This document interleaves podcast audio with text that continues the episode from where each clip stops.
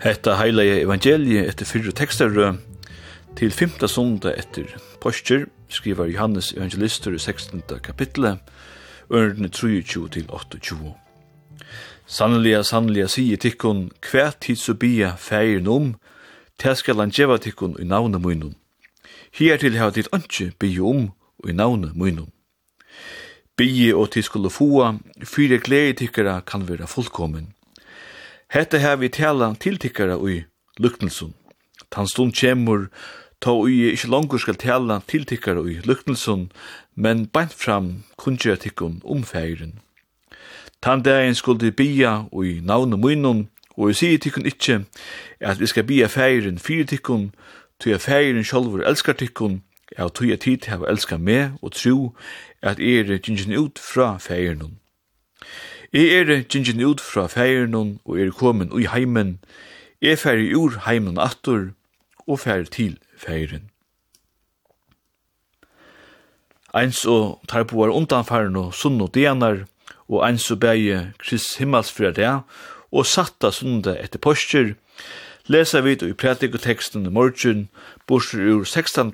kapitlet tja Johannese. Teksten er om farveltalnar tja Jesus.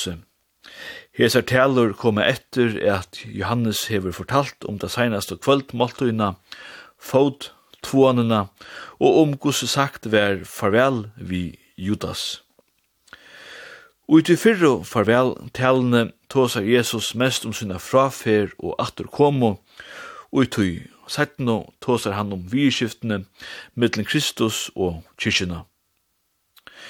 Og i evangelion vera talernar, hildnar og æren sjálfa kross festingsna, men er helst atleir til hvordan vi som kyrkja og folk skulle skilja og trykva hendingarnar av påskum, nemlig lying, deia og oppreisjon. Vi kunne si at her renna at han søvelige tøyen og te og sagt veri fra saman, te vil si at det djever hos alt gav meining, at vi nu ui tujarskainon etter postjer høyre om kvært Jesus seie og gjørte fire postjer.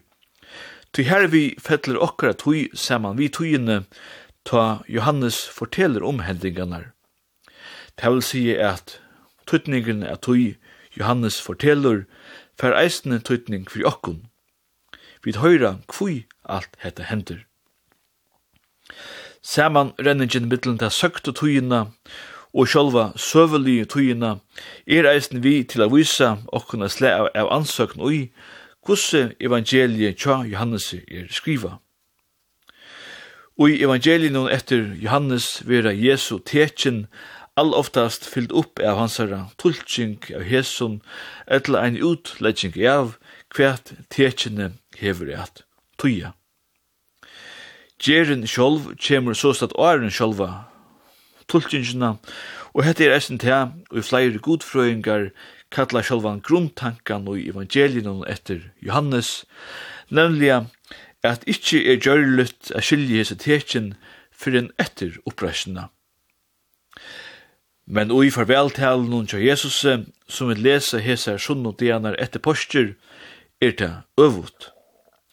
Her kjemur tulkingen og talen hun åren eisen i åren tekjene og man fri öll ånder tekjen krossen.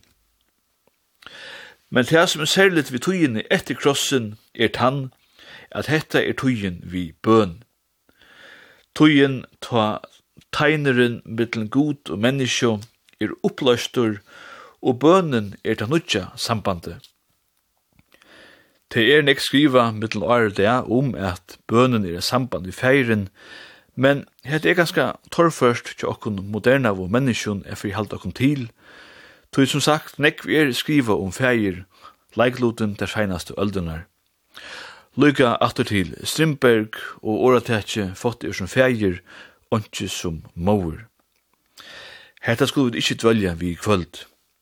Heldur skulle vi minnast er at Jesus tåsar om feiren etla feir leikluten, så er hetta om virkifte, her talan er om alit.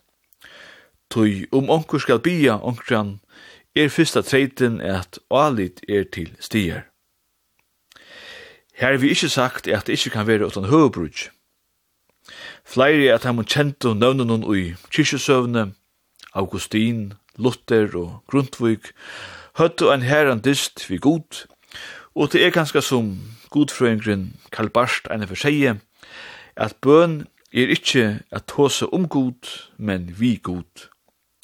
Tan einaste lujtjenda maten at tåse vi god, nemlig og i øren personne, eins og tabie verur feir var.